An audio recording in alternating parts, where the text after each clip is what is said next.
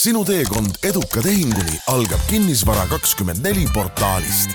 meie juurest leiad huvilise nii oma Setomaa suvilale kui Kalamaja korterile. kuuluta õiges kohas kinnisvara kakskümmend neli punkt ee ja Kinnisvarajutud podcasti järjekordne episood on meil eetris. minu nimi Siim Semiskar, minu kõrval Algis Liblik, tere Algis. tere Siim. pikka sissejuhatust täna ei tee, kuna meil on äh, taas kord kaks külalist, ehk siis laua taga on seekord neli meest. raske kahurvägi on kohal ikka. on? jah. Läheme suurde liivakasti. ahah. sina otse Sauelt äh, oma korterist siin, siis ma olin täna mõtlesin, kutsun mehed külla sulle, räägivad, kuidas suuri asju tehakse. ma panin täna suvised lühikesed püksid jalga, et kui sa mind suurde liivakasti viid, äkki mul on pärast on põlved on äh, marraskil ja paha olla. tõenäoliselt aga no vaatame, ma arvan, tunni pärast oleme targemad. no vaatame, aga meie külalised täna siis nagu Algis ütles, Raske Kahurvägi ja meil on külas kinnisvaraettevõtte Creative Estate partner Elar Toomsalu ja tegevjuht Rain Kont. tere, mehed! tervist! tere! ja mina mõtlesin, et ma kutsun, kutsun nad kohale, sellepärast et ähm, et ma Elariga, Elariga kunagi siin tööalaselt kokku puutunud varem ja ikka hoiad ju silma peal, mis kolleegid teevad ja, ja mind kuidagi mingil hetkel jäi kummitama selline, selline mõte ja, ja et kinnisvaramaaklerist, maaklerist kinnisvaraarendajaks ja, ja, ja Elar on selle teekonna läbi teinud, on ju. siis ma mõtlesin, kutsuks ta saatesse ja, ja uuriks siis, et kuidas üks kinnisvaramaakler kinnisvaraarendajaks sai. ja kuna sa ei tee seda üksinda, siis võtsime kompanjoni ka laua taha ja uurime, nii et, et mis asja te ajate aga võib-olla, võib-olla siis äh, Elar, hakkame sinust äh, pihta kõigepealt, on ju, et, et kuna, kuna sind ma tean, tean äh, varasemast, et siis mis aastast sina kinnisvaraturul tegutsed üldse? minu kinnisvaraalane karjäär on olnud äkki mm, kaksteist aastat pikk. alustasin kaks tuhat üksteist aasta sügisel maaklerina, kunagi siis Remax kinnisvarabüroos. ja, ja sealt äh, mm, algas minu teekond, et, et äh, esimesed aastad olid sellised natukene katsumuste rohkemad. Äh,, olin Tallinnas täitsa nii-öelda uus inimene, et, et sisuliselt tulingi Tallinnasse äh, Pärnust äh,, et, et hakata maaklerina tööle. ja, ja ega linna väga hästi ei teadnud. Äh,, tuttavaid inimesi oli ka vähe, et, et äh, sisuliselt pidin ennast üles töötama nii-öelda ground up, eks ole, et, et äh, maast ja madalast aga sul oli üks eelis, Algis tuli Assamaalast, sa tulid ikka suurest linnast Pärnust. noh, kelle jaoks Pärnu on suurlinn, kelle jaoks mitte. et, et äh, aga äh, eks ma siis toona siis maaklerina alustasingi külmadest kontaktidest ja, ja hakkasin enda seda vähest tutvusringkonda läbi käima, kes, kes mul siin võib-olla oli ja, ja kontakte looma, eks ole ma tuleks korra veel võib-olla päris sinna algusesse, sa tulid Tallinnasse ja läksid Remaxisse, et kuidas see nagu, kus sa jõudsid sinna üldse? tegelikult see taust on see, et, et äh, mm, ma toona, mis ma siis olin, kakskümmend kaks aastat vana äh,, olin äh, kaks suve ülikooli ajal ka raamatuid müünud Southwesternis ja, ja. Eureka. ja teadsin, et äh, mm, ütleme, et, et selleks, et elus võib-olla mm, edasi liikuda, et, et äh, müügitöö annab väga hea aluse Äh, mul ema oli kunagi maakleritööd teinud Pärnus ja, ja kinnisvara kui selline mind äh, väga kõnetas. ja, ja siis äh, otsustasingi äh, selle pöörde teha äh,. ja, ja toona ma algselt äh, kandideerisin ühte teise kinnisvarabüroosse, kuhu sain ka tööle, aga ka Remaxis oli mul äh, peretuttav äh, Rutt Andreesen ees ja, ja seal käisin ka vestlusel ja, ja siis otsustasin äh, ikkagi sinna minna. ning äh, äh, esimesed kolm-neli aastat äh, töötasingi siis maaklerina ja, ja kuskil neljandal-viiendal aastal liitusin siis äh, Remax plussiga äh,, nüüdseks siis Uusmaa plussiga ja, ja seal siis äh, partneri rollis, et, et äh, samal ajal paralleelselt siis ka kinnisvaramaakleri tööd tehes. ja, ja see teekond siis äh, mm, oli väga selles mõttes äh, mõnus äh,, pikk äh,, katsumusterohke äh,, aga samas äh, noh, tööd sai kogu aeg väga palju tehtud ja, ja äh, sellist nii-öelda edukogemust kogu aeg tuli ka juurde. ja, ja kaks tuhat kaheksateist aastal äh, alustasin ma enda esimeste flippidega. et, et äh, võtsin siis nii-öelda koos äh, äh, sõbraga esimesed sellised renoveerimisprojektid ette, et, et äh, millest siis nii-öelda sellist arendust äh, ma tegelikult ka ju alustasin. ja, ja äh, ma siin taustal temaga tegelikult siiamaani teen üht-teist, et, et äh, et üle kahekümne korteri flip inud ja, ja üsna, üsna edukalt, et äh, et me oleme pigem valinud selliseid äh, isikupärasemaid projekte äh, ja, ja millest midagi, midagi sellist, millest nagu annab sihukest ägedat toodet teha ja kvaliteetset asja. ja kui maakleritööd kokku sai tehtud juba pea kümme aastat, siis tegelikult tundsin taustal, et, et olen juba kõike teinud, kõike näinud. et, et maakleritöö kui selline mm, sellist igapäevast põnevust enam ei tekitanud, ütleme siis nii, et, et äh, kliendibaas oli väga korralik ja, ja töö selles mõttes muutus ka lihtsaks, aga sellist äh, suurt power'it või motivatsiooni seal taustal enam ei olnud. ja tekkis ka selline väike läbipõlemine, et, et äh, noh, mille jaoks ma seda kõike teen, eks ole, et, et äh, tahaks ikkagi ellu sellist nii-öelda väljakutset, mis, mis mulle nagu pakuks ka midagi. ja, ja äh, siis me tegelikult äh, puhtjuhuslikult äh, Rainiga hakkasime äh, asju arutama äh,, toona käisime koos äh, tali ujumas äh, ja, ja tekkisid erinevad nagu äh, mõtted, ideed vees, vees äh, seal äh, hingates koos. Äh, miks te piinasite ennast? kuule, teeks koos midagi see, see on hoopis pikem lugu tegelikult absoluutselt ja noh, ütleme, et taliujumine on ka väga selline äh, hea sihuke taastav tegevus, mis, mis aitab sul nii-öelda keskmesse tulla ja, ja, ja sellist äh, head power'it ja motivatsiooni ammutada. ning äh, toona siis äh, kaks tuhat kakskümmend äh, lõpp äh, alustasime enda, enda esimese projektiga. et, et äh, milleks oli sihuke väike seitsme korteriga mm, lenderi tüüpi puitmaja Kalamajas. et, et soetasime siis selle ja, ja nii-öelda leidsime vajaliku finantseeringu, et, et seda, et nii ehk näed seda osta ja siis, siis ka renoveerida juba. ja, ja toona siis äh, mm, esimest projekti tehes äh, noh, siis ei olnud taustal Creative State ega midagi veel, et, et siis me nii-öelda alustasime siis äh, sealt esimese, esimese nii-öelda sellise ülesandega. ja, ja ega süües äh, kasvab isu, eks ole, et, et äh, et, et äh, juba paari kuu möödudes peale esimese projekti soetamist mm, tekkis tahtmine ka järgmisi asju ette võtta. ja, ja siis äh, äh, ei tea, kas puhtjuhuslikult, aga, aga mm, kuidagi läbi, läbi kontaktide sattusime äh, Kopli seitsekümmend üheksa projekti peale, mis on siis äh, Beckeri villa. ja, ja me mm, nägime sealt nägime seal küll väga suurt väljakutset, äh, kuid hoone ise oli, oli ülimalt, ülimalt põnev. et, et äh, tsaariaegne Beckeri sadama direktori villa, äh, mis oli siin omal ajal saanud ka nõukogude ajal siis juurdeehituse, et, et projekt toona oli, oli müügis ehitusloaga ja, ja mm, andis võimaluse siis arendada kümme väga erinäolist korterit. saite juba nii-öelda tooriku kätte, et kohe pihta hakata? no mm, sisuliselt äh, eks seal tegelikult äh, see projekt kui selline äh, oli, oli meie jaoks pigem nõrk ja seal tuli väga palju asju ümber, ümber teha ja ümber mängida, ümber projekteerida. et, et pigem me sattusime hästi suure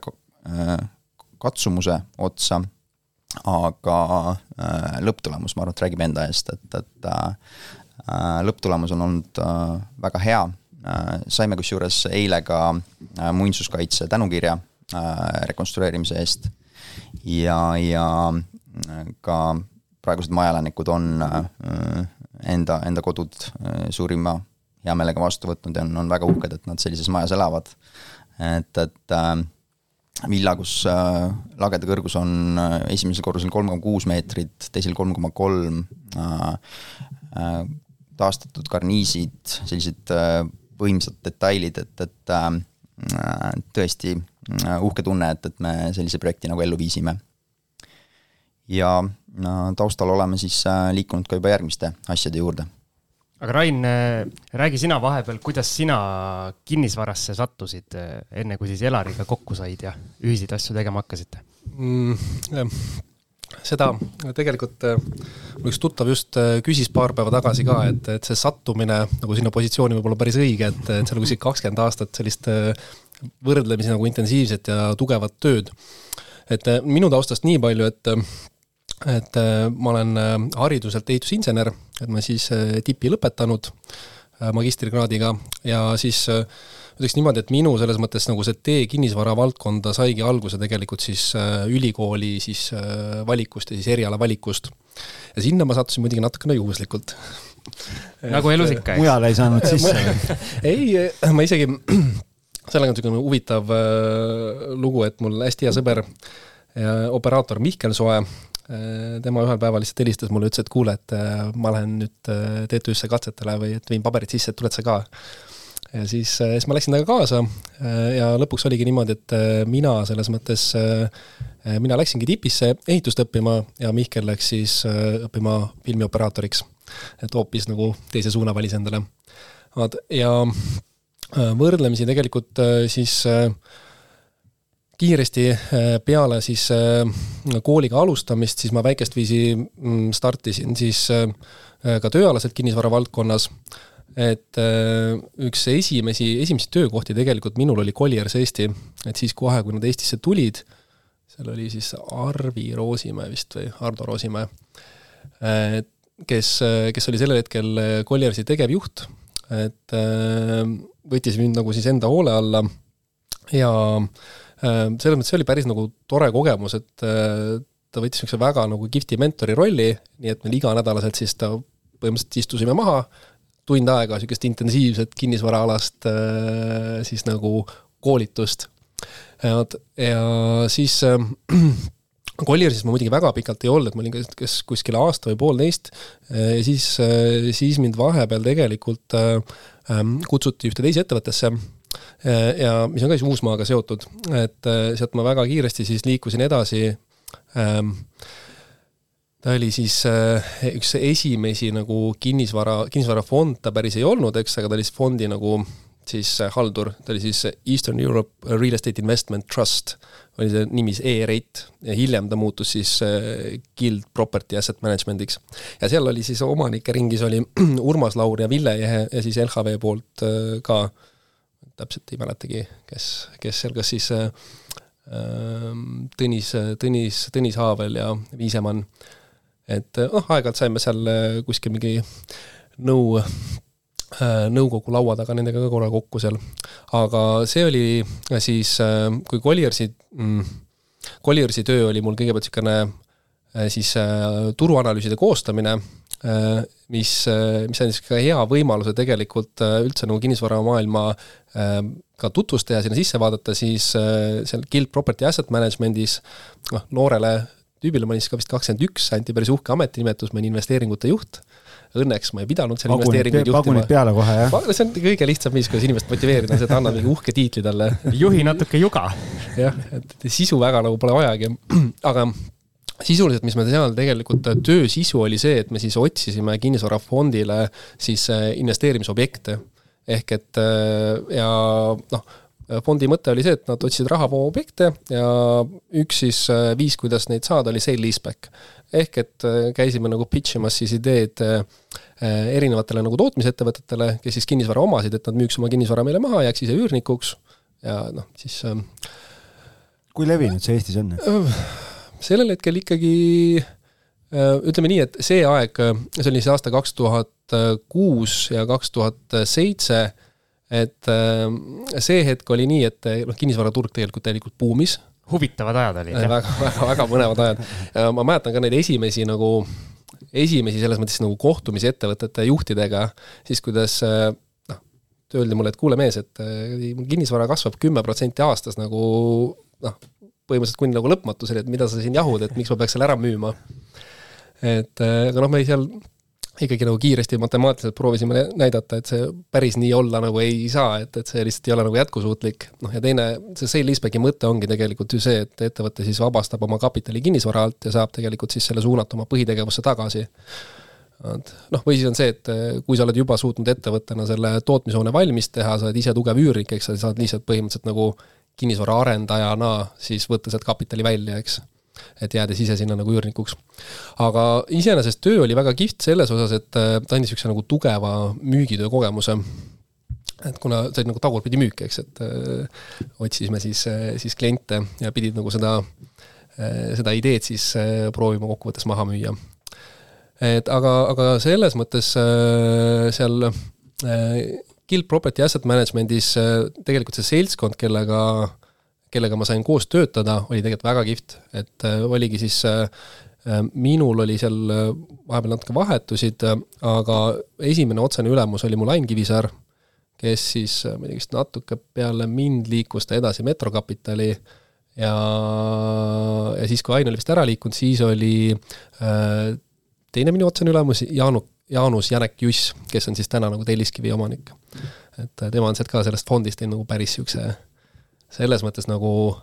äh, hea exit'i, et kuna ta oli tähtajaline fond, eks viieaastane fond, et siis see, et kui see fond äh, lõpetati äh,, siis äh,, siis ta oli nagu õigel hetkel seal jaol ja täna siis tema nagu juhib Telliskivi loomelinnakut. et niisugune väga, väga, väga kiire kasv ja väga nagu äh, põnev keskkond, kus koos liikuda. Aga noh, eks see äh, aeg oli niisugune kokkuvõttes nagu võrdlemisi hektiline, eks, et ega see äh, kaks tuhat kaheksa tuli sealt ka nagu suhteliselt nagu korralik pauk, eks. et äh, see languse pool ja võib-olla siis minu jaoks isiklikult oli, oli see kasv oli natuke nagu liiga kiire, et sealt tekkis kohe ka nagu see küllastus, et ma ei olnud üldse kindel, et ma nagu sellisel kujul seda asja tahan teha. et aga ma mäletan, et töö kõrvalt ma suutsin veel ühe kiire siis äh, mikroarenduse teha, et oli mida tähendab mikroarendus? kat-, katusealuse korterite, katusealuse korteri väljaehitamine, põhimõtteliselt kaks korterit et, et nii, nii, nii mööda minnes. kas see oli see, see on see klassikaline pakkumine korteriühistule, et äh, andke katusealune meile ja me teeme fassaadi korda? Äh, seal oli ta äh, natukene lihtsam, selles mõttes, et korteriühistu tegelikult nagu müüs ühte siis äh, osa selles mõttes sellest hoone siis katusealusest pinnast. seal pakuti lihtsalt katust, mitte katusealust et äh, Komeedi tänaval üks objekt, iseenesest kaks väga armsat korterit said sealt ja nende, nende müük selles mõttes õnnestus äh, ma ei mäleta, kas see oli aprill kaks tuhat seitse või nagu absoluutselt nagu turu tipus. ajastasid tippu ühesõnaga. no kas nüüd ajastasid sina tegid tehingu ära ja siis hakkasid häirekellad tööle selle tehingu peale läks et, äh, et, et selles mõttes äh, jaa, et, et see läks nagu väga-väga edukalt aga noh, eks et äh, pärast seda on ka tulnud otsuseid, mis võib-olla ei olnud nii päris edukad, et see kaks tuhat kaheksa oli ikkagi nagu karm. aga nendest me ei räägi? ei, küsite võib vabalt rääkida, siis selles mõttes, et äh, hea koht, kus kogemust nagu edasi anda. et äh, aga, aga jah, ja siis, siis sealt edasi tegelikult oli äh,, oligi natukene niisugust nagu paar aastat eneseleidmist. otsimist või leidmist? Äh, mõlemat, nii otsimist kui ka leidmist, et selles mõttes äh, käib asja juurde. käib, äh, käib nagu natukene asja juurde, aga siis siis ma oma päris selles mõttes nagu erialase tööga ehituse valdkonnas alustasin kaks tuhat kolmteist, vist oli, ja, ja sealt siis oli, esimene töökoht oli mul ehituse valdkonnas, oli, oli Harmet, kes siis moodulmaju toodab, ja sealt suhteliselt kiiresti liikusin ma edasi siis nagu Eesti eh, kinnisvaraturul tegutsevasse ettevõttesse Endover, et ma olin siis nende seal ehituse kehas, Metropoli ehitus, ja, ja sealt siis äh, äh, peale ühe objekti valmimist me siis liikusime edasi Scandium kinnisvarasse. et see siis minu otsene ülemus seal oli Maido Lüüste, kes siis liikus Endoverist edasi ja siis ta kutsus meid kaasa. ja siis äh, enne Creative State'i siis ma tegingi äh, kolm aastat, natuke rohkem kui kolm aastat äh, väga-väga niisuguse intensiivselt äh, äh, ehitusjuhtimist äh, Scandium kinnisvaras. et äh, ma võin selles mõttes, ma arvan, päris äh, täie kindluse ja uhkusega öelda, et mina olin nagu neil see siis ehituse poole pealt see ähm, Raudvara, kes need esimesed objektid nagu käima tõmbas. et me tegime seal kolme aasta jooksul vist, kas oli neli, neli objekti ja need ajagraafikud olid täiesti nagu jaburalt lühikesed. Avangard oli ka juba sinu all või? Avangardi me tegime, mm, noh, Avangard oli siis äh, Tartu maantee nelikümmend, vist kas circa Narva maantee. vabandust, jah, Narva maantee nelikümmend ja ta oli seal niisugune kas kaheksakümne, seitsmekümne ühikuga niisugune mhm. üüri, üürimaja projekt. ehitustempo oli metsik. kuskil poole aastaga tõmbasime ta äh,, ta oli niimoodi, et meil seal oli projektijuhi vahetus, et äh, mina liitusin sinna siis, kui meil oli jah, pool aastat oli selles mõttes äh, jäänud nagu ehituse lõpuni ja eelarvest vist oli mingisugune kümme protsenti ära kasutatud, et niisugune väga-väga tõsine töömaht oli ees. et läbi maja haigutas kuuekorruse sügavune niisugune auk. aga noh, see Narva maantee nelikümmend on eraldi, eraldi selles mõttes äh, päris, päris äh, karm näide, et äh, noh, ühest küljest, et raskused, mis sealt kõik tuli ületada, aga teisest küljest, mis on ka nagu võimalik, sest et see oli näiteks üks objekt, kus kinnistu suurus, mis oli siis nagu hooviala, mida sai ehitamiseks kasutada, oli kuskil sada ruutu. ja ta asus niimoodi, et sinna ei olnud põhimõtteliselt võimalik nagu tänavalt ligi pääseda, et me pidime ühe garaaži näiteks maha lammutama ja need riskid, mis nagu see hetk võeti, et ma nagu ütleme niimoodi, et väga-väga äh, vedas, et, et, et see kogu projekt nagu tervikuna kokku jooksis, sest et noh, põhiteema ongi nagu kinnisvaraarenduses ka tegelikult naabrite risk. et keegi võib sulle suhteliselt kergesti nagu tõmmata sinna nagu vee peale ja siis sa pärast, pärast nagu lahendad seda asja väga pikalt ja, ja võib, võibki, võibki nagu selles mõttes projektidele täitsa kriipsu peale tõmmata. aga siis jah äh,, Scandium kinnisvaras äh, minu viimane projekt oli seal Narva maantee, või vabandust, mitte Narva maantee, vaid siis Kadaka tee seitsekümmend kaheksa äh, hostel, äh, Newtoni, Newtoni hostel, mis, mis samamoodi valmis meil vist kas äkki üheksa kuuga või, et ta oli ka vist üheksakümmend ühikut, ikka väga, väga kihvt projekt, õnneks uus ehitis, selles mõttes niisugune võrdlemisi mul on isegi üks, ma olen ühes meilivahetuses siin, kus ma vaatasin, Rain on sees seal, mõtlesin, et guugeldasin kuidagi, eile vaatasin postkastis, et mõtlesin, aa, et, et oli olemas üks Kalle, Kalle ja, ja sinuga mingi meilivahetus. Et äh, aga jah, selles mõttes, et äh, siis Scandiumi poole pealt on mul siis võrdlemisi tugev niisugune nagu üürimajade taust ka, et neid projekte on nagu päris mitu sealt äh, läbi käidud. et äh, väga põnev. et ja noh, kindlasti Skand-, noh, Scandiumi osas kindlasti on, mul on väga-väga nagu hea kogemus äh, olla nagu ühe niisuguse äh, tänaseks juba võrdlemisi nagu tugeva kinnisvaraettevõtte äh, päris nagu alguse juures, et sa näed nagu päris esimest seda momenti, kuskohast nad nagu stardivad ja kuidas kogu see nagu protsess kokku panna. et, et üli-ülihea kogemus, et väga tänulik neile selle eest ja millal siis seal joone alla tõmbasid? Äh, samamoodi, see oli mm, kaks tuhat kakskümmend üks äh, jaanuarist. aga noh, väikest viisi ettevalmistuse tegime juba varem ära, aga noh, see oli ka kõik niisugune suhteliselt nagu lihtne ja loogiline, et kõik otsad sai seal kenasti nagu kokku tõmmatud ja ja eks äh, noh, ongi soov, soov midagi võib-olla omal käel ära teha oli lihtsalt niivõrd suur, et seda ei saanud enam nagu väga maha suruda. niisugune loomulik jätk, eks ole. nagu Siimul oma kätega teha midagi. jah, ostab korteri jälle, putitab ja siis kirub, ütleb, et ütleb, never, never again ja siis kuni järgmise korrani kuule, aga ei no väga põnev, kuule siit tuli nii palju teemasid ja asju, et ma ütlen, et,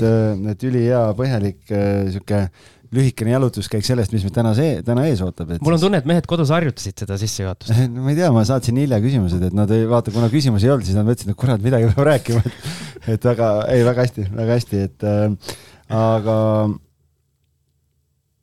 ma just, mul üks küsimus oli tegelikult oli Elarile oli noh, et kui palju see kinnisvaramaakleri ja, ja kinnisvaraarendaja tooli jagamine, et kuidas see nagu õnnestub, on ju, aga, aga ma saan aru, et, et praegu sa nagu ei jagagi, et sa aktiivselt maakleritööd enam ei tee. ei, maakleritööd ma ei tee juba mõnda aega, et, et ähm, ja, ja pigem olen Uusmaa plussis äh, partnerina ja, ja eks mul äh, see kliendibaas oli, oli selles mõttes korralik, et, et olen, olen saanud siis enda kliendid ilusasti sinna üle anda. et, et äh, ma ütlen, et kümme aastat äh, aktiivset maakleritööd äh, võrdlemisi kõrgel tasemel, et, et seal on, on, mida, mida jagada kui noh, selles mõttes, et kas see on, andis nagu väga suure eelise sulle selles mõttes, et kui teil nüüd tuli see see Beckeri,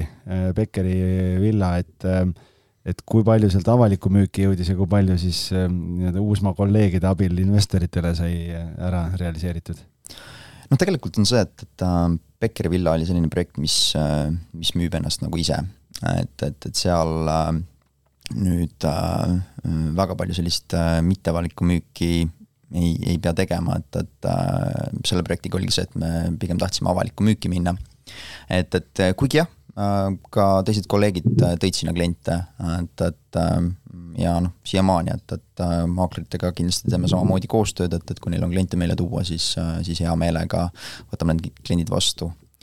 et, et aga noh, maaklerid andis selles mõttes hea aluse teha teisi asju, et, et või, või noh, arendusprojekte, et, et sul tekib kontaktibaas, sul tek-, tekib kontaktibaas nii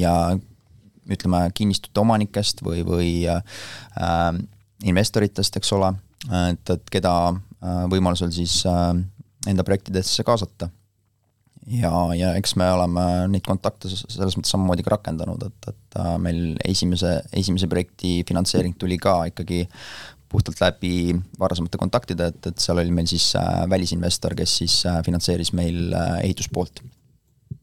okei okay,, aga et siis põhimõtteliselt esimese projekti tegite äh, erakapitalil, et ei, ei, ei panga ukse taha ei läinud või kuskile crowd estate'i, vaid? Noh, me soetasime teda ikkagi nii-öelda mm, omavahenditest ja, ja ehituspoole siis äh, tegime erakapitalil. järgmiste projektidega oleme, noh, Bek-, Beckeris oli meil ikkagi juba LHV pank abiks, just, just ehituslaenu osas ja, ja LHV-ga me siin ka jätkame koostööd järgmiste projektidega mul tuli selline küsimus, et sama tähtis kui kinnisvaras on objekti valik, on ka see, et keda sa endale äripartneriks valid, et kuidas teil või mis teie nii-öelda üksteisest nägite, et nii-öelda koostööd tahtsite hakata tegema või ühist asja ajama, et mis see, mis see võlu oli? saate nüüd üksteist kiita siis? no tegelikult äh, ma arvan, et eks meil mõlemal see varasem taust ja kogemus, eks ole, et, et äh, võib-olla minu poolt siis Äh,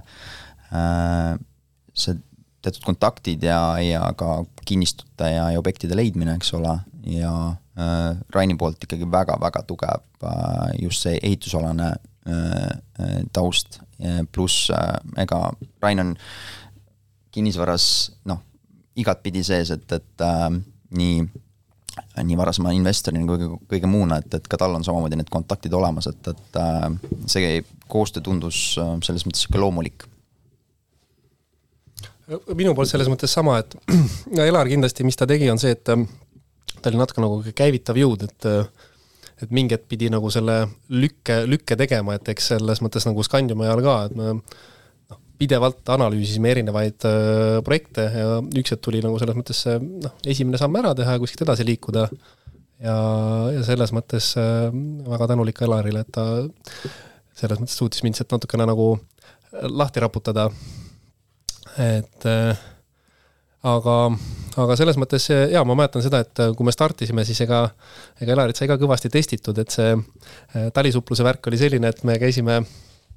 no mina olin enne paar aastat juba ujunud, et iga, iga talv läheb seal kuskil septembrist äh, alustad ja kuni siis aprilli lõpuni või maini välja. ja siis ma mäletan, et kaks tuhat kakskümmend me tegime esimese pool aastat siis noh, niisugune lihtsalt vaadata, et kes kuidas nagu vastu peab, käisime kell kuus iga hommik siis äh, tööpäevadel ujumas Noblessneris. et, et kuni siis aastavahetuseni välja, Elar sai sellega väga hästi hakkama pandi proovile. korralik, korralik nagu, nii et nüüd, kes nüüd kuulavad, on ju. ma seda niimoodi ei võtnudki, et oleks proovile pandud, aga no., aga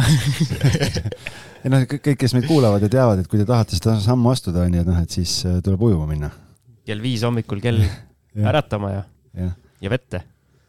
ei no väga, väga äge, aga kuule, aga mul praegu kargas pähe, et äh, Rain jättis ühe kõige olulisema asja rääkimata oma karjäärist, et äh, mina tahtsin selle küsimuse ikka ära küsida, et doktor Google, doktor Google, ta nii ujuvalt läks sealt üle, onju, et mul tegelikult oli üks küsimus oli kirja pandud ka, et kuule, et noh, mina mõtlesin, et see oli ikka nagu majade küljes ronimine nii-öelda nakatas sind sõna otseses mõttes kinnisvarapisikuga, et Google annab sulle sellise tiitli nagu Eesti ämblikmees, tahad sa sellest rääkida? ma võin sellest rääkida, see on iseenesest nagu oluline osa äh, minu elust ja ta on natuke isegi seotud äh, tõesti ka selles mõttes kinnisvarakarjääriga. aga seal on, no ma olen äh, pikalt äh, tegelenud kaljuronimisega, viieteistkümnendast eluaastast alates, et et äh, selles mõttes äh, on üksjagu aastaid sellega tegelenud aktiivselt ja täna endiselt samamoodi. ma korra segan sulle vahele, enne kui sa saad edasi rääkida. Eestis ja kalju ronimine, need asjad nagu ei käi omavahel kokku, sest meil ei ole kaljusid, et kuidas sinna jõudsid? tegelikult äh, Eestis on niisugune täitsa aktiivne kalju ronimise äh, kogukond ja enamasti siis tegelikult tehakse nagu siis äh, siseruumides trenni. ja nüüd on järjest, on erinevaid nagu ronimissaale juurde tulnud ja need võimalused on läinud juba niisuguseks täitsa arvestatavalt nagu heaks et ähm, ja siis äh, äh, kuidas näiteks kaljuronimine äh, on minu jaoks seotud kinnisvaraga, on see, et mina olin siis, kuidas ma sattusin sinna Guild Property Asset Management, oli see, et ma olin Urmas Lauri siis kaljuronimise treener. Aa, ma mõtlesin, et sa ronisid kuskil aknast sisse. Seda ka, eks ole. uksest ei lasta, siis ma tulen aknast. Et, et jah, selles mõttes Ville, Ville ja Urmas Laur, et nemad siis käisid minu trennis, et ja sealt kuidagi äh, tundus, et meil nagu päris hästi asi on millekski vajalik, näed, elus igal asjal on põhjus. täpselt, täpselt, aga, aga jaa, selles mõttes ma äh, mingi perioodi äh, elust siis tõesti tegelesime niisuguse asjaga nagu on buildering, ehk et siis nagu majade peal ronimine. et ja see on niisugune siis nagu kalju ronimise võib-olla üks, ma ei tea, kas siis kõrvalliik või alaliik, eks, aga ta on siis põhimõtteliselt ilma julgestuseta siis mööda äh, hoone fassaadi ronimine. elu ei ole armas, ma saan aru. ei, elu on väga armas, aga no eks seal on ka selge see, et näiteks oma lastel ma ei luba Do not try this at home, ütleme siia juurde. et ta arvatavasti on natuke nagu äh, teisi viise ka lõpuks, kuidas ennast nagu proovile panna, aga no ähm, me tegime seda ikkagi nagu väga-väga läbimõeldult ja, ja väga süsteemselt ja, ja selle eesmärk äh, oli tegelikult see, et äh, noh, kui sa ikkagi suudad oma hirme oma siis äh, emotsioone ja oma vaimu nagu niivõrd hästi kontrollida, et, et sa suudad äh,, suudad tõesti seal kuskil kuuekümne meetri kõrgusel äh, kõõluda, et et see tegelikult annab ka nagu sellise enesekindluse ülejäänud asjadeks elus, et selle sai nagu suhteliselt üks-ühele siis üle kanda. aga lihtsalt majadest, noh, me, me tegime tegelikult niimoodi, et me paar aastat iga kevade siis ronisime nagu mingid konkreetsed objektid läbi, et me ei teinud seda nagu niimoodi nagu väga ajaviiteks, et oli ikkagi võrdlemisi nagu niisugune äh, sihipärane ja, ja kontsentreeritud tegevus, aga näiteks äh, kus me ronisime, siis äh, üks, üks objektidest oli näiteks Stockmanni parkimismaja. ei ole väga väike maja. No ta on niisugune neli-viis korrust ja siis üks kõrgemaid objekte oli tegelikult see Maakri kakskümmend kolm tornelamu et seal on vist kakskümmend midagi korrust. ilma julgestuseta? ilma julgestuseta, jah ei, turvaline, selles mõttes hea. no vot, seal on nagu see, et see enda nagu füüsilised võimed on lihtsalt niivõrd palju mm, tegelikult suuremad, et need siis nii-öelda nagu see maja või see rada, mida sa nagu ronid, on tegelikult võrdlemisi, võrdlemisi lihtne tehniliselt et näiteks see maakri puhul ka, et me läksime siis mööda mingite rõdude välisfassaade, kus niisugune võrguga poolenisti kaetud rõdud, et iga moment, kui sa tegelikult ära väsid, sa võid rahulikult sinna rõdu peale keerata, et selles mõttes ei ole nagu midagi nagu hullu. et sa pead lihtsalt vaatama, et su iga haare, iga liigutus, et äh, noh, sa pead tegema need korrektselt, keskendunult, et seal nagu eksimisruumi selles mõttes ei ole, aga teisalt on see, et äh, noh, kui sa tahad, siis see ei ole nagu kõige keerukam moment. et äh, näiteks üks, üks hoone, kus oli tõesti niisugune äh, võib-olla nagu piiri peal, piiri peal karm oli tegelikult äh, see Pärnu maantee Roosikrantsi nurgal olev äh, Robert Natuse maja, kust lähevad siis kolm niisugust äh, telliskivi siis sammast nagu üles, poolkivi on väljas. et see oli niisugune võib-olla nagu tehniliselt veidike nagu keerukam, pluss on see, et sa pead ikkagi nagu väga usaldama ka seda fassaadi ja seal on siis nii, et sa ronid üles ja sa pead tegelikult pärast alla ka ronima, et sa pead alati mõtlema selle peale, et kuidas sa nagu alla saad aga et äh, mul juba praegu iiveldab sees, ma ei ole kõrgusekartja, aga ma lihtsalt kujutan seda kõike ette ja mõtlen, et no joh, ei tea. tänapäeval neid, kes tegelikult vaba ronimisega tegelevad, kes looduses ronivad, et neid äh, Neid, äh, neid sportlaseid ikkagi tegelikult on, noh ja ja nad teevad seda nagu väga-väga selgelt enda jaoks, et see ja noh, meie ka näiteks pere jaoks ei teegi? pere, pere jaoks tõesti mitte. aga näiteks eh, kui meie, meie selles mõttes, eh, see oli kaks sõpra, kellega me koos ronisime, et kui me vabaronimisega tegelesime, et siis, eh, sellel hetkel näiteks Youtube'i ei olnud. nii et äh, minu meelest kõige suurem kajastus, mis me saime, oli noorte hääles, niisugune nagu paberleht. et sul ja Fame jäi saamata sul ja Fame jäi täiesti saamata, et täna, täna oleks see nagu oluliselt nagu teistmoodi. aga mul tuli kohe mälupilt, et et objektile Rain läheb, vaatab fassaadil seal ehitusmehed on mingi jama teinud, viskab pintsaku maha, ronib krõps-krõps-krõps üles, vaatab ja siin on jama krõps-krõps alla ja ehitajatele ja juhend just, kätte. ma just eile käisin näitamas Vilja teel ühte korterit, müün kahetoalist ja siis äh, see ostja tuli ja ka ütles, et vaatas seal fassaadi ja siit ja sealt ja värgid ja ma kujutan ette juba kui sellega on, noh vaata, natuke on tegelikult nagu, pigem on see teema hoopis äh, Äh, täitsa äh, vastupidine sellele, et see nagu riski hindamise võime ja oskus on tegelikult nagu väga kõrge. et just, mis on nagu tulnud äh, läbi siis selle kaljuronimise, et näiteks tööohutuse poole pealt meil ehitusettevõttes on ka, et meil on hästi lihtne, et tööohutuse siis nagu lubatud õnnetuste arv on meil null. täpselt, on null, eks et, et ei ole aktsepteeritav mitte mingit pidi töö juures riskida, et ja see on niisugune asi, mida me kahjuks peame nagu igapäevaselt nagu seda rauda taguma, et, et alltöövõtjatele ja kõikidele siis äh, ikkagi pidevalt nagu meelde tuletada, et, et töökoht ei ole see, kus kohas nagu võiks üldse riskida. et, et, et seal me pigem, pigem nagu, et, et minu nagu riskivalmidus on äh, on selles mõttes nagu noh, ma olen väga teadlik riskidest, aga, aga me seal pigem noh, me teeme kõik, et, et see tööohutus oleks maksimaalselt hästi tagatud. aga ma siin nüüd riskin meie kuulajate pahameelega ja sunnin meid ühele väiksele pausile. väga hea, kuulsite ka, krõks käis taustal juba, Elar tegi just lumiorava veepudeli lahti, nii et äh, kosutame kurku ja oleme varsti tagasi hei üüriinvestor, otsid järgmist põnevat projekti? vaata kindlasti Kinnisvara kakskümmend neli portaalist, kust leiad värsked pakkumised nelikümmend kaheksa tundi varem kui mujalt. nii, paus peetud ja ma tahaks riskidest jätkata, et mehed, mis on äh, sellise väike arendaja, jaoks kõige suuremad riskid äh, praeguses ma ei taha öelda turuolukorras, aga siis praeguses maailma, maailma seisus kinnisvaras noh, eks me kõik teame, et, et äh, eelmine aasta juba mingis mõttes osad riskid realiseerusid, eks ole, et, et äh, kui me äh, peame silmas sõda Ukrainas, et, et toonane, toona ehitushind ja, ja tööjõupuudus noh, see oli košmaar, et, et ja, ja meil samal ajal oli ka Beckeri villa ehitus pooleli, eks ole, et, et seal noh, Rain äh, oskab äh, täpsemalt rääkida nendest peenüanssidest, aga ka seal puhtalt äh, mm, tööjõu leidmine või, või ka materjalihanked ja kõik muu, et, et mm, no ütleme niimoodi, et, et meil ehitusperiood ikka läks märkimisväärselt pikemaks ja, ja tõi kaasa väga palju lisakulusid, et, et ja noh, see on, on üks reaalne riskide re realiseerumine, eks ole mitu korda nädalas te pidite oma eelarveread siis üle vaatama, kui need ehitusmaterjalid seal üles-alla käisid ja tööjõuga probleeme oli? kogu aeg käis numbritega mängimine? alla nad vist olema alla vist ei läinud alla nad ei läinud ja need äh, tegelikult ju hinnad tõusid siin päevade või, või nädalatega, et, et äh, eks lõpus on see, et, et äh, kui, kui eelarve juba väga lõhki läheb, siis mm, tahaks lihtsalt valmis ehitada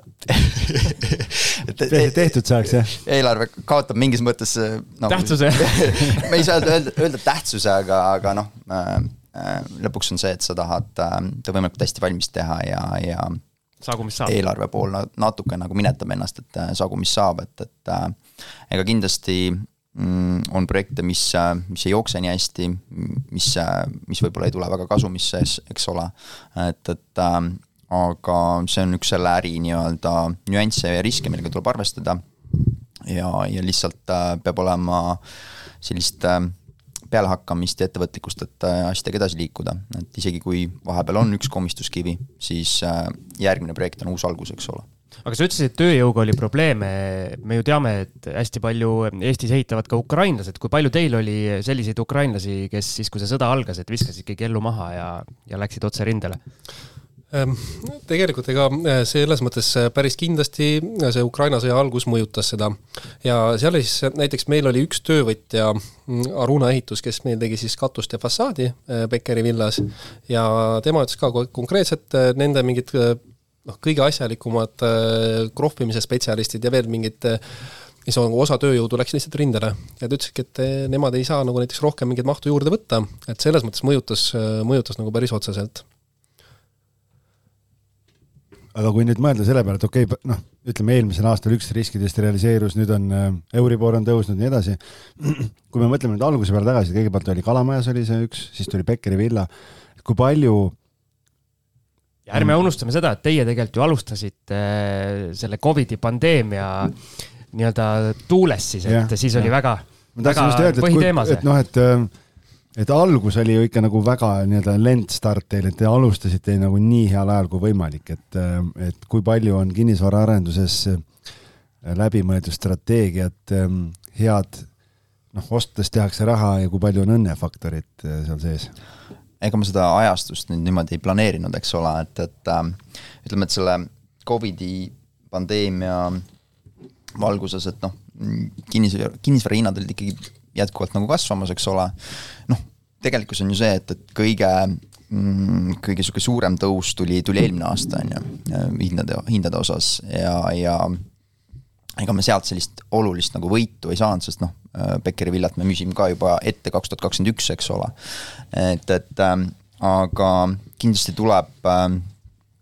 ütleme sellist arendust äh, planeerida, ajastada ja, ja noh ega praegudki on, on arendajad, kellel on ehituslubadega projektid ootel, et, et kohe võib-olla ei taha startida. ja, ja äh, pigem on noh,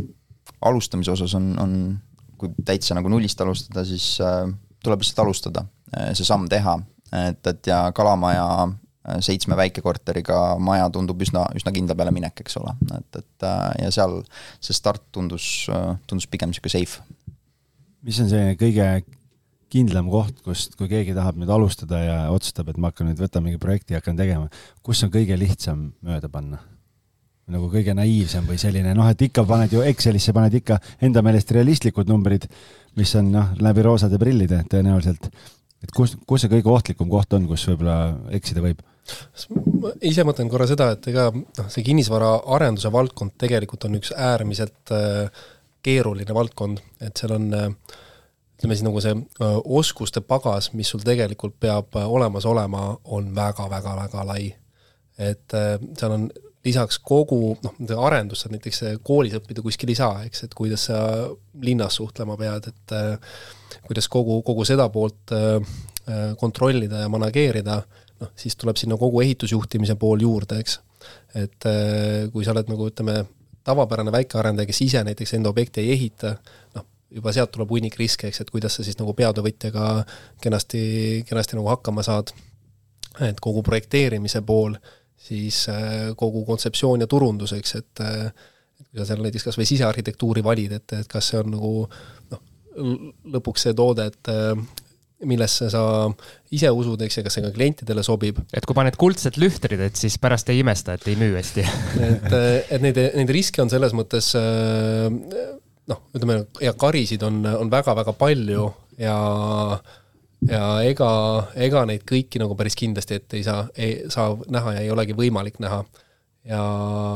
ja noh, eks seal peab siis nagu õnne olema natukene, et läbi tulla. aga noh, meie jaoks tegelikult nagu kõige tähtsam on see, et noh, tunnevad, mul on siin mängus tegelikult äh, pikaajaliselt, eks, et oluline on see, et kui sa juba suudad kaks-kolm aastat äh,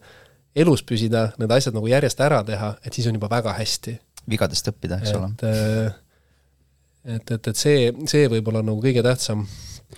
No see on väga huvitav, sa tõid välja, vaat teil on omal, on nii-öelda, te olete ise peatöövõtjad nii-öelda teise ettevõttega siis ja ehitate iseendale. et, et noh, enamikel arendajatel ongi endal, noh, nagu sa ütlesid, Endoveril on metropoli ehitus kõrval ja nii edasi ja ma ei tea, kuidas neil praegu on, mingi hetk tagasi Scandiumist meil enne oli juttu, minu meelest nemad otsustasid minna teistpidi teed, ehk et nad otsustasid, et et et äh, nad tahavad keskenduda sellele, milles nad on head ja tugevad nii-öelda, et äh, tegeledagi arendamisega, aga et ehitamine ei ole nende nagu core kompetents või selline asi, millega nad tahaks võib-olla nagu tegeleda, et siis nemad nagu outsource ivad, et äh, noh, tõenäoliselt väikesena võib-olla see risk ongi suurem, aga suure tellijana see võib-olla on majasisene know-how ja kompetents lihtsalt ka nii palju suurem,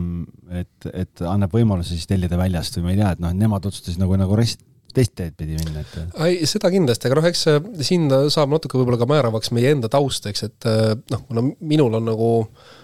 siis läbi minu isiku on tegelikult meil ettevõttes see ehituse kompetents ja pädevus nagu väga tugevalt olemas, tunneme ennast seal kindlalt, et me saame lihtsalt selle väärtusahela nagu veidi pikemaks venitada ja tegelikult ka siis ise ehitades läbi siis oma peatöövõtja me ka tegelikult äh, manageerime neid riske oluliselt paremini, et äh, meil jääb kohe nagu üks niisugune lüli vahelt ära. Ja noh, tihti on see et, et ütleme, niisuguste väiksemate kuni kümne korteri ja korterelamute ehituse puhul, ega see peatöövõtja tegelikult seal väga millegagi vastutada ei saa. et seal on ka niisugune pigem nagu kahe-kolmemehelised ehitusjuhtimise firmad, eks, et neil endal võib-olla varasid nii väga ei ole, et, et noh, et selle, selle koha pealt on väga-väga mõistlik ise ehitada, et sa saad seda protsessi oluliselt paremini juhtida meil ei möödu vist ühtegi episoodi, kus me ei räägiks külalistega ehitajatest mingeid naljakaid ja katastrofaalseid eh, seiki, et, et Rain, sa ütlesid, et sul on ehituses väga, väga tugev taust, et miks ehitajatega on alati nii palju jamasid? See on hea küsimus, eks seal arvatavasti on, on võib-olla üks, üks põhjus on see, et see noh, sisenemise läbi nagu sinna siis äh, protsessi ehk et alltöövõtjate juures on võrdlemisi nagu madal, eks. ja seal on see, et mida näiteks nagu keerukamad töövõtud, seda kuidagi nagu paremaks see suhtumine seal läheb ja seda lihtsam on kuidagi nendega suhelda. ja mida lihtsamaks see töövõtt läheb, seda keerulisemaks läheb see suhtlus. et aga mis ma tahan öelda, on ka see, et näiteks täna noh, me oleme selle Heinakuus A, mis on meie väike niisugune viie korteriga butiikmaja Kalamajas, siis Pelgulinnas tähendab Heina tänaval. et, et seal me oleme teinud väga hea ja väga kiire stardi, et meil on alla kolme kuu on ilusti maja karkass valmis, maja karp kinni ja me tegelikult nagu rihime siin eh, kuskil seitsme kuuga ehitust valmis seal. ja seal on nagu hea näha seda, et, et see protsess on läinud praegu tegelikult nagu ülihästi ja me oleme natuke nagu korrigeerinud seal mõnes osas valikuid äh, alltöövõtjate äh, osas ja, ja näha, et kui on ikkagi nagu tugevad partnerid, siis asi jookseb väga-väga hästi et noh, ehitus on hea lihtne reegel, et sihuke kaheksakümmend protsenti peaks olema need töövõtjad, keda sa juba tunned, kus sul on kogemus olemas, ja siis kakskümmend protsenti on need, kellega sa saad nagu äh, siis katsetada. keda sa saad tundma jah, et äh, kelle kompetentsi õpid tundma, jah. aga, aga ei, et, et selles mõttes on äh, lõpuks on see, et tasub teha tegelikult nagu, proovida koostööd teha oma ala äh,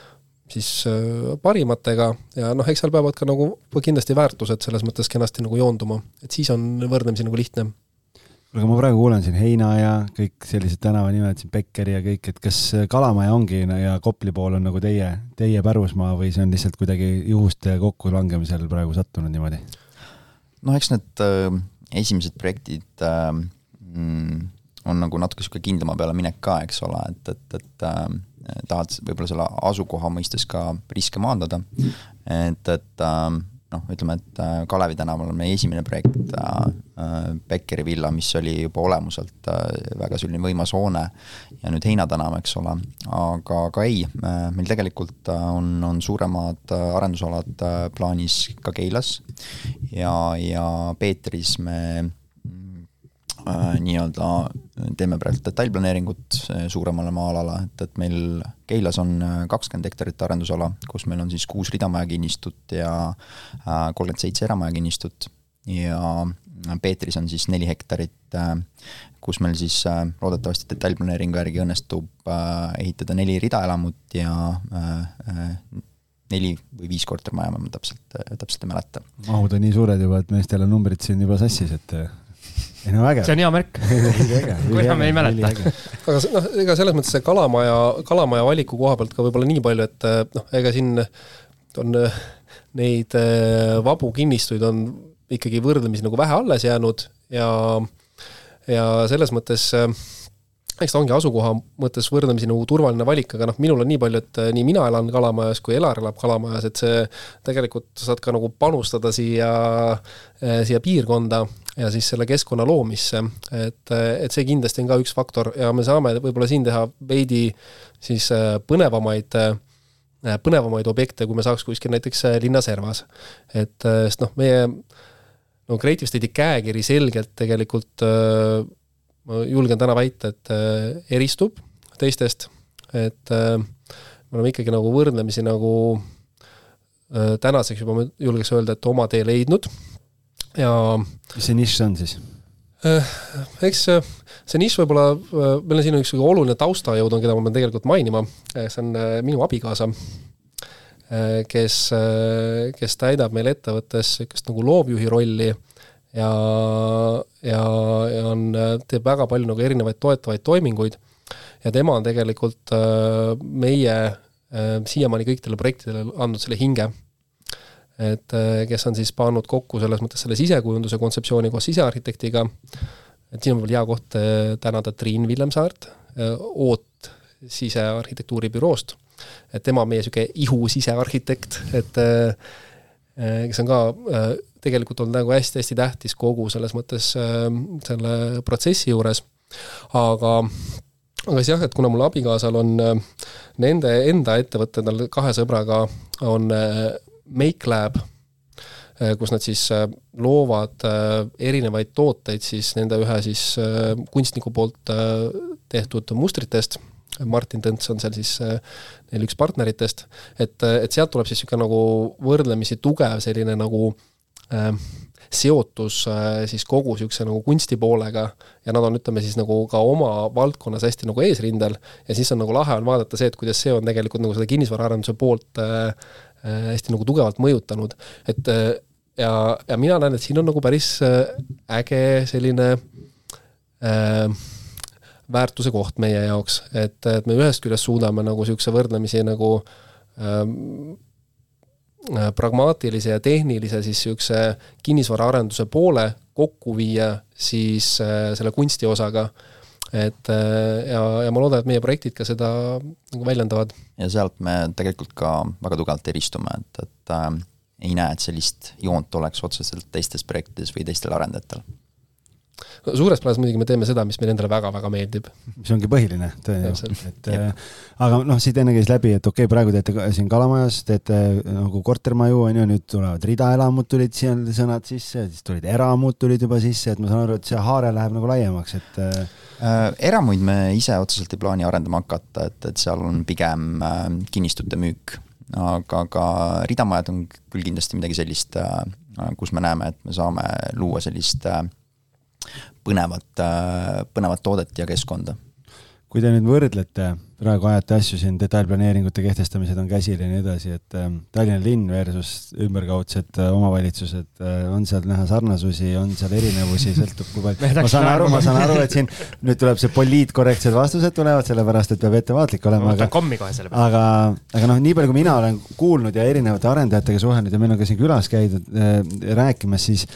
ikkagi kurdetakse nagu hästi palju seda lihtsalt, et äh, kuidagi need omavalitsuste ametnikud kipuvad tihtipeale nagu torpedeerima kogu selle kohaliku piirkonna arengut, et, äh, et kuidagi üritatakse kas siis oma palka välja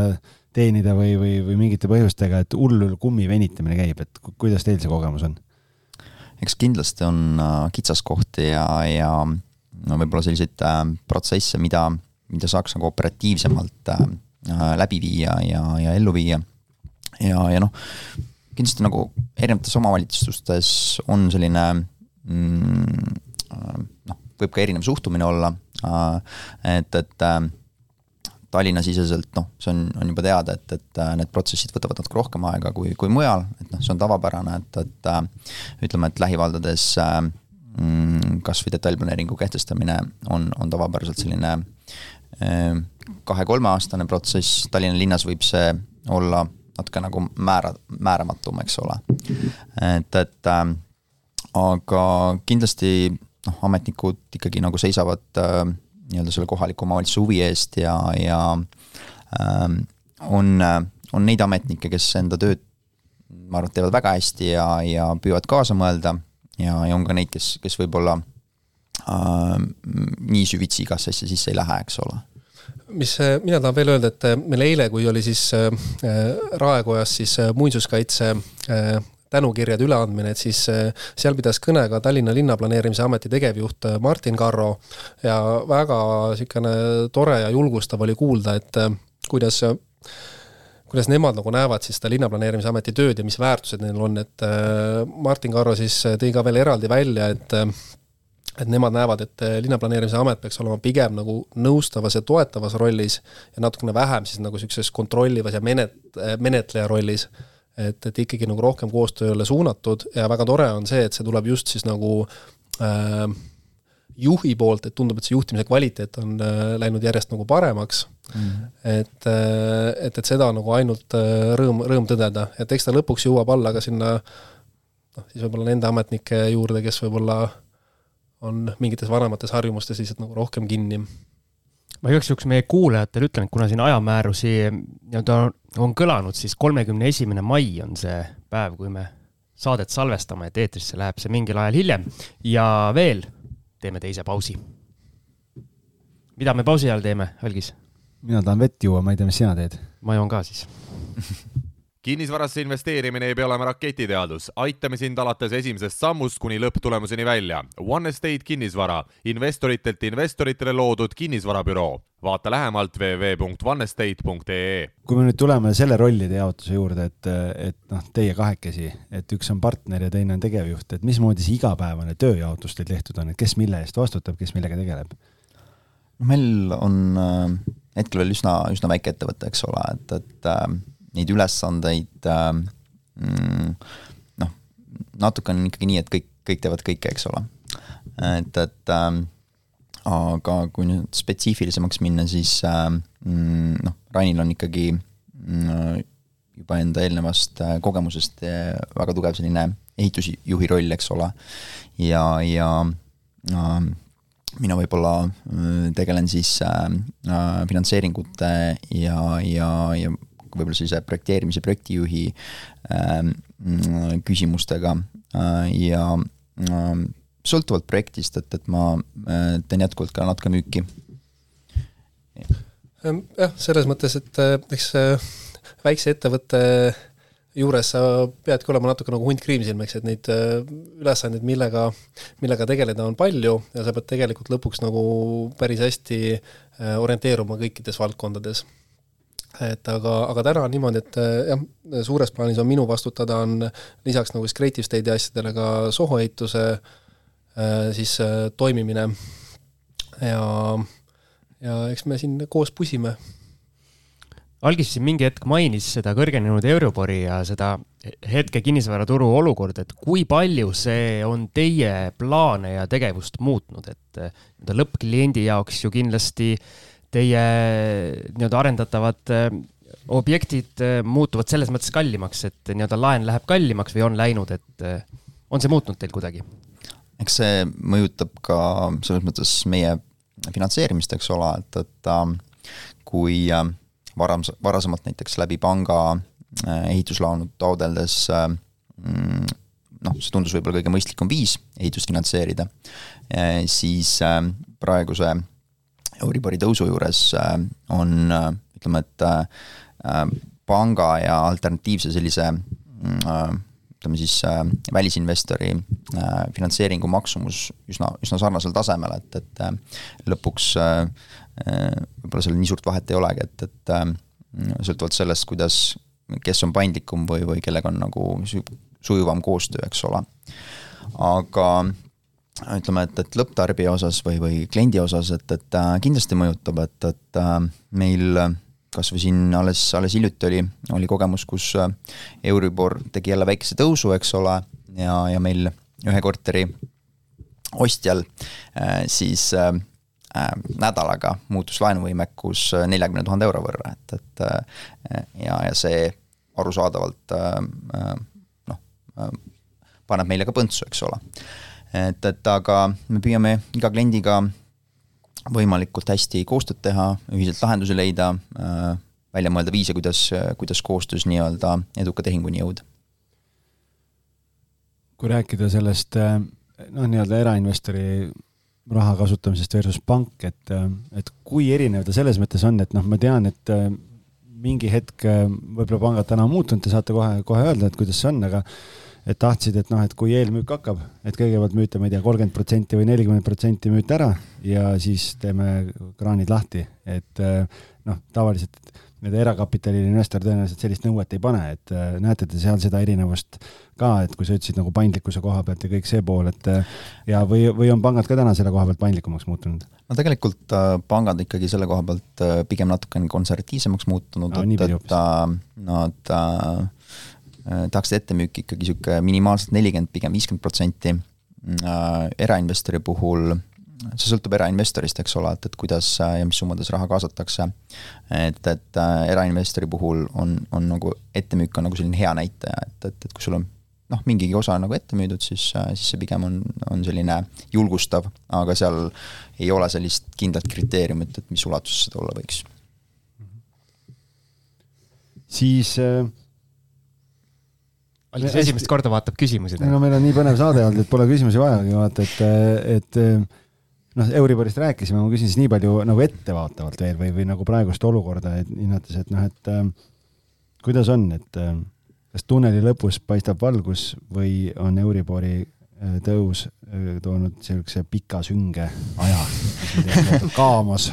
ma arvan, et see valgus ei ole kuskil kadunud, et, et tegelikult äh, turg ju toimib äh, väga normaalselt, et, et äh,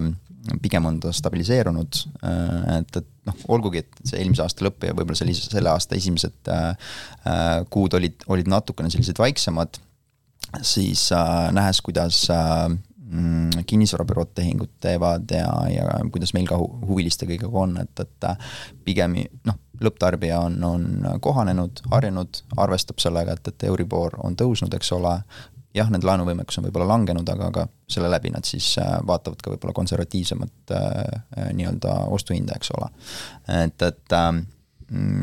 kinnisvaraturg on tegelikult väga hästi toimiv, et, et äh, ei, ei näe siin mingisugust pilkast pimedust mind huvitab selline brändi teema, et me ju teame neid kõiki suuri arendajaid peast, kes nad on, mida nad teevad, kes teeb paremini, kes teeb halvemini, vähemalt jutud linna peal liiguvad. kui tähtis teie jaoks või kui palju te töötate selle kallal, et oma bränd nii-öelda tavainimeseni viia, et näiteks kui inimene lähebki endale kodu ostma, siis ta vaatab, et ahah, et näed, et see on Creative Estate'i nii-öelda toodang, et eh, sinna tahan küll vaatama minna.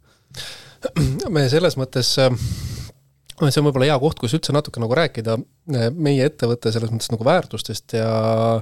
eh, ja, ja filosoofiast veidikene laiemalt. et eh, noh, esimene asi võib-olla ongi see, et et läbi nagu niisuguse võrdlemisi nagu suure ja pikaajalise kogemuse selles mõttes kinnisvaraturul meil on tekkinud ka niisugune mõistmine, et kui tähtis tegelikult üldse see ruum on, mis meid nagu ümbritseb, et kehv arhitektuur koos kehvade lahendustega tegelikult siis äh, võib mingi hetk nagu võrdlemisi nagu takistavaks ja rusuvaks muutuda. ja sealt tulenevalt ka meie eesmärk on äh, luua siis võimalikult, äh, võimalikult nagu väärtuslikku ruumi, et kus inimestel oleks hea olla, et kus nad saaks unistada, kus nad saaks tegelikult siis nagu võimalikult lähedal oma täiuslikule potentsiaalile siis nagu tõusta. et see võib-olla noh, Äh, tavapäraselt ma ei, ma ei tea, kui palju teised selle peale nagu mõtlevad, aga mina näiteks äh, väga tugevalt nagu tajun seda, et äh, mis ruumis ma viibin, kuidas seal nagu valgus on, mis seal on nagu materjalid, et et ja kõikidest nagu enda siis nendest väärtustest lähtudes me oleme ka siis oma projektides valinud nagu sisekujunduse, et noh, näiteks mingites asjades, mille me väga rõhku paneme, on, on siis tööde meisterlikkus ja materjalide valik et äh, vaikselt hakkab nagu see luksuse mõiste äh, ka uuesti minema tagasi sinna, kus ta võib-olla varem oli, ehk et luksus tähendab tegelikult täna siis äh, kvaliteetseid materjale ja siis samas sinna juurde nagu ka meisterlikku tööd ja siis ka noh, täna ikkagi juba ka keskkonnasäästlikke materjale kindlasti, eks, ja keskkonnasäästlikke lahendusi. et ja näiteks meie selle heina projektil siis ma olen pannud tõesti nagu erilist rõhku sellele, et et need viimased töövõtjad, kes on seal, tulevad näiteks parketti panema või kes on plaatijad läbi siis nagu ehitusettevõtte poole, et, et nad tõesti oleksid nagu oma ala parimad, sest et see on ka see, kus ma arvan, et me suudame natukene nagu siis klientide ootusi ületada aga ma nüüd lähen natuke teravamaks, et see, see kõik jutt, mis sa rääkisid, ma ei tea ühtegi arendajat või ei ole vist kuulnud, kes ei räägiks sellist ilusat juttu, et eh, mis on kompleksne linnaruum ja mida kõik tahetakse teha, eks. aga kuidas nüüd minusugusele täiesti diletantlikule ja nii-öelda teadmatule kliendile ka see selgeks teha, et näed, et meie teemegi kvaliteetset asja, et me ainult ei räägi. ega see lõpuks nagu selles mõttes, et ega siin väga midagi muud teha ei ole tegelikult, et kui lihtsalt enda projektidega edasi liikuda ja, ja teha seda, mis sulle tegelikult endale kõige rohkem meeldib, et mina pean tunnistama, et ma nagu väga palju väljapoole selles mõttes ei vaata, et pigem on see, et me lähtume ikkagi nagu enda väärtushinnangust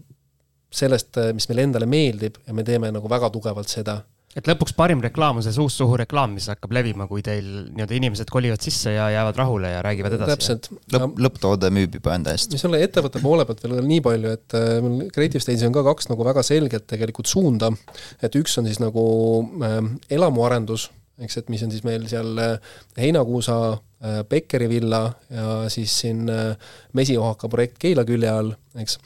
et aga teine, teine suund, millele me ka väga tugevalt fokusseerime, on ikkagi see rahavooprojektid, et mis siis eh, noh, taustast nii palju, et kuna olen üürimajadega väga, väga tugevalt nagu kokku puutunud läbi Scandium kinnisvara, et siis eh, siis see on kindlasti nagu suund, kus eh, me tahame oluliselt nagu rohkem toimetada ja me näeme, et meil on seal võimekus võrdlemisi palju nagu väärtust tuua. et meil on ka portfellis on üks üürimaja projekt Tallinn väike siis rongijaama kõrval, Äh, kuhu me planeerime täna siis üheksakümne üüriühikuga äh, maja. Ja ta oleks siis niisugune äh, üks portfell, mis jääb meie enda portfelli, üks toode, mis jääb meie enda portfelli, kus me siis, kontseptsiooniks on siis co-living, ehk et ta on niisugused väiksed üüriühikud, kus on siis juurde toodud nagu üldpindade näol erinevaid siis lisa nagu teenuseid. ma siin ütlen teile nii-öelda saladuskatte all, et ähm, Algise märgunenägu on ka kunagi üürimaja, ma ei tea, kas valmis ehitada või? mina olen jutumees, siin on tegudemehed on vastas, et. Millest ta peaks alustama andke vaesele mehele nõu. eks äh, esmalt on ikkagi projekti vaja, eks ole, et, et äh, kinnistut või, või noh äh,, olemasolevat hoonet, et äh, ja, ja noh, sealjuures ka äh, asukoht kindlasti mängib rolli, et Äh, juurdeveo projekti puhul on meil õnnestunud saada ikkagi äh, logistiliselt väga hästi paiknev kinnistu äh, Tallinna kesklinnas äh,, kuhu ütleme, et Veereni kvartalisse on niisugune kümme minutit jalutada, kus meil on, on äh, nagu väga suur töötajaskond ka äh, erinevate ettevõtete näol, et, et äh, suuresti IT-sektor, eks ole, et, et äh, ja, ja me oleme ka käinud äh, erinevates ettevõtetes äh, arutamas üürimaja kontseptsiooni antud asukohas, et, et äh, oleme, oleme nii Boltiga kohtunud kui ka äh, Wise'iga ja, ja nemadki räägivad, et nende töötajad enamikud on ilma autota äh,, tahavad elada, ütleme, kolmekümne minutilise jalutuskäigu kaugusel. Ja, ja kui sul on niisugune ühtne äh, suur üürimaja kus, kus elavad näiteks juba sama ettevõtte töötajad äh, ja, ja ütleme, tuleb, tuleb välistöötaja jälle kuskilt, et äh, tal on, ülimugav on, on nii-öelda sulanduda siia kohalikku keskkonda, sul on oma inimesed ees, äh, sul on ühisalad, kus te ühiselt saate aega veeta, eks ole, ja, ja samas töökoht on, on kõigest kümneminutilise jalutuskäigu kaugusel, et, et see on ka see nii-öelda üürijate sektor, keda me seal sihime siis ta on niisugune jah, äh, selles mõttes juurdeveo äh, projekti puhul me näeme, et ta, noh üldse üürimaja projekti puhul, et ta võiks olla niisugune esimese aasta kodu äh, inimesele, kes tuleb nagu Tallinnasse. et sõidab rongiga kohale, tuleb seal, seal juurdeveos maha ja siis aasta pärast läheb edasi linna poole. mõte, mõte on selles, et sul on ülilihtne nagu integreeruda äh, Äh, integreeruda siis äh, siia kohalikku, kohalikku ellu. suurlinna tempoga või no,? mitte suurlinna tempoga, aga noh, ma näitena nii palju, et ma ise olin äh, kaks tuhat üheksa, kaks tuhat kümme pool aastat Austraalias ja seal olid siis noh, ka koolivingu kontseptsioon ehk et põhimõtteliselt oli niisugune viie magamistoaga ma maja, kuhu siis mina üürisin endale ühe toa ja see oli näiteks niimoodi, et nad valisid üürnikke, et ülejäänud siis nagu neli tuba hääletasid, keda nad sinna võtavad ja kuna ma tegelen siis nagu lohesurfiga ja see tundus neile kuidagi atraktiivne, et siis äh, mina osutusin seal valituks. aga see, et kui sa juba sinna nagu kohale lähed ja sisse, sisse kolid, siis äh, muutub kõik järsku nagu ülilihtsaks, et sa lähed nende samade naabrite inimeste käest küsid, et äh, kuidas ma ühte või teist asja peaks tegema, saad kohe nagu sellele infole ligi ja keegi siis nagu oh, äh, saab sind äh, seal väga tugevalt toetada. ja sama mõte on ka tegelikult siis natuke nagu suuremas skaalas, plaanis juurdeveos, et mõte on selles, et kui seal on näiteks siis infotehnoloogia sektori erinevate ettevõtete töötajad koos, et mingi osa sealt hea meelega tegelikult eraldaks ka siis tudengitele, et kui sa nüüd mõtled, et okei okay,, et ma tahan endale äh, kooli ajaks endale kuskile äh, korterit üürida, eks, et siis ma ütleks, et see võiks olla nagu super koht, et kui sa sealsamas õhtul pingsi laua taga saad äh, Wise'i või Bolti meestega pingsi mängida, juttu ajada, et noh, ülihea koht, kus tegelikult nagu suhteid luua. ja pingsioskusi kasvatada. ja pingsioskusi kasvatada, täpselt.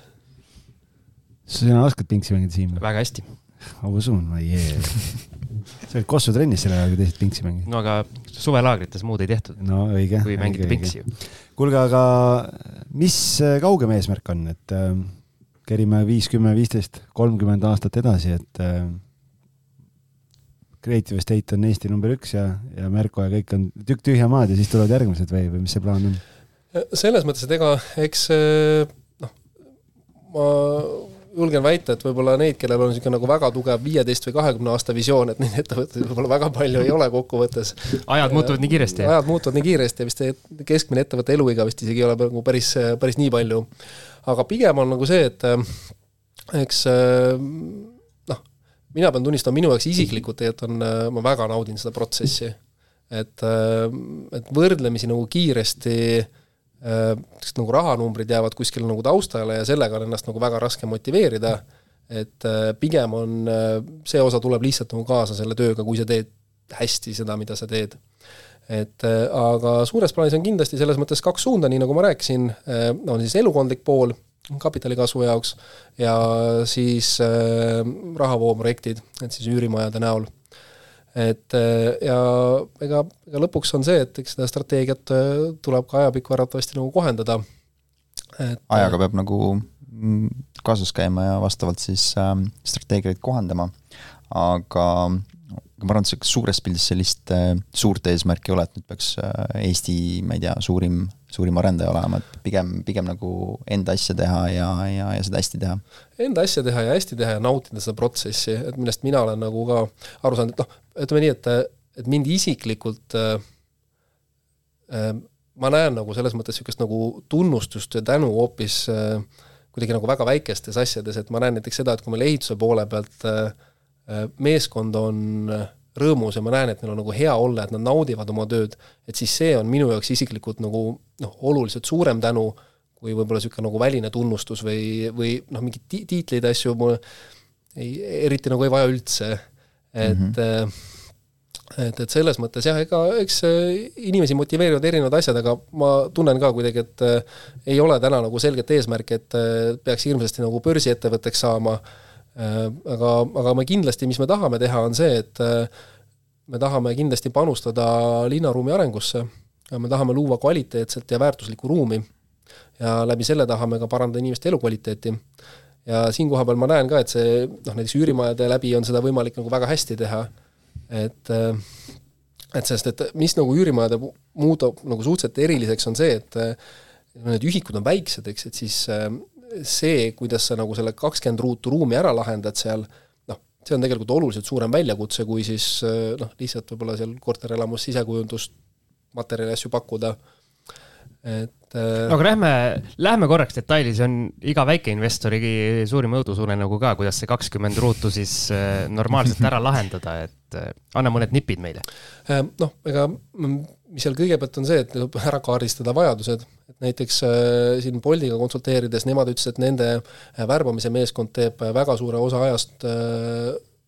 tööd kodus, et kuna need on avatud kontoris, nad näiteks telefonikõnesid asju väga palju kontoris teha ei saa, töötavad kodus, noh näiteks üks asi on see, et sa peadki võimaldama siis kodukontori siis võimekuse, et äh, mida me kindlasti oleme, ütleme niimoodi, endale juurdeveoprojekti puhul sihiks ja eesmärgiks seadnud, on see, et me tahame sinna teha siis sisseehitatud mööbli ja, ja võimalikult nagu kvaliteetse mööbli. sest niisugune hea disain on tegelikult nagu täiesti aegumatu, et siinkohal on jube lahe näide on tegelikult meie siis sisearhitekti Triin Villemsaare siis kodust, et ta tegelikult elab Milano lähistel Äh, ja neil on seal, äh, nende maja nimi on siis Villa Rustico, kus nad äh, ise elavad ja siis teevad seal Airbnb-d. ja see on siis niisugune kaheksakümnendatel ümber ehitatud siis taluhoone kompleksist niisugune nagu villa, mille peamine eesmärk oli siis inimeste võõrustamine. ja see hetk, kui nemad selle üle võtsid, siis see oli lihtsalt niisugune kolmkümmend, nelikümmend aastat, ei vabandust, ütleme kakskümmend aastat oli niisugune kõva tolmu kogunud, et seal vist äh, see eelmine omanik äh, oli ära surnud ja pärast seda oli seal täielik vaikus, midagi ei liikunud. ja mis nad tegid, on see, et nad tegelikult äh, äh, puhastasid selle asja ära. Et äh, ja täna neil on seal kõik, äh, sandtehnika on sellest samast ajast, kõik köök on sellest samast ajast, garderoobikapid. Ja kui sa näed seda, et kui kvaliteetne see on, sest me ise käisime siis, ööbisime seal eelmine aasta, kui, eelmise aasta aprillis, kui me käisime oma meeskonnaga väiksel motivatsioonireisil Milanos, et just see kogemus ja tunnetus, et kuidas hea disain on ajas kestev, seal kolmkümmend, nelikümmend aastat hiljem ja sa lähed ja täpselt samamoodi nagu naudid seda, et, et see on kindlasti nagu üks eesmärke, mida me tahame juurdeveos nagu rakendada, ja siis me vaatame, kas see näiteks kannatab samamoodi vineermööbliga äh, Äh, vineermööbliga ära lahendada siis kogu see sisustuse pool. aga jah, äh, hea disain ja meisterlikkus. Siim, sina ja hea disain ei ole just sünonüümid. ei käi kokku, jah nii et sa ei saanud aga praegu siin? Ma elan IKEA-le liiga lähedal, et disaini peale mõelda IKEA-l on ka väga hea disain ju. kas hakkame lõpuküsimused? jaa, ma luban sul küsida nii, aga võtame siis kokku lõpus, mis on teie peamised eh, õppetunnid, mida te noorele kinnisvaraarendajale edasi annaksite, mis on eh, see, kas üks või kaks kõige tähtsamat asja, mida tähele panna? Väikest nagu väga kontsentreeritud fookust võib-olla, no üks asi näiteks, mis mina võin võib-olla soovitada, on see, et, et see äh, kooliraha võib-olla oleks hea maksta nagu kellegi teise juures või et selles mõttes, et, et niisugune nagu pea ees ei tasu nagu kinnisvaraarendusse kindlasti tormata, et, et, et kõigepealt lähed kellegi teisega põhja ja siis teed ise eduka arendusfirma. Ei noh, koge-, kogemuste kogumine võib-olla, et, et äh, saada aru, kuidas, kuidas see äri selles mõttes peaks toimima ja, ja mi, mis nii-öelda üksusi sul on vaja, et, et, et ja, ja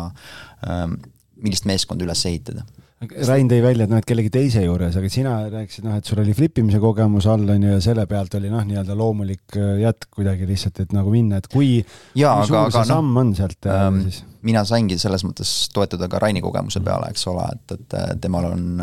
see nii-öelda arendusettevõtte ülesehitamise kogemus ilusasti olemas. minul see flipimise kogemus noh, andis selles mõttes väga hea võib-olla sellise eh, esmase tunnetuseks, et kuidas neid asju teha, aga flip imine eh, versus nagu arendus on ikkagi kaks täiesti erinevat asja. et, et eh, neid aspekte,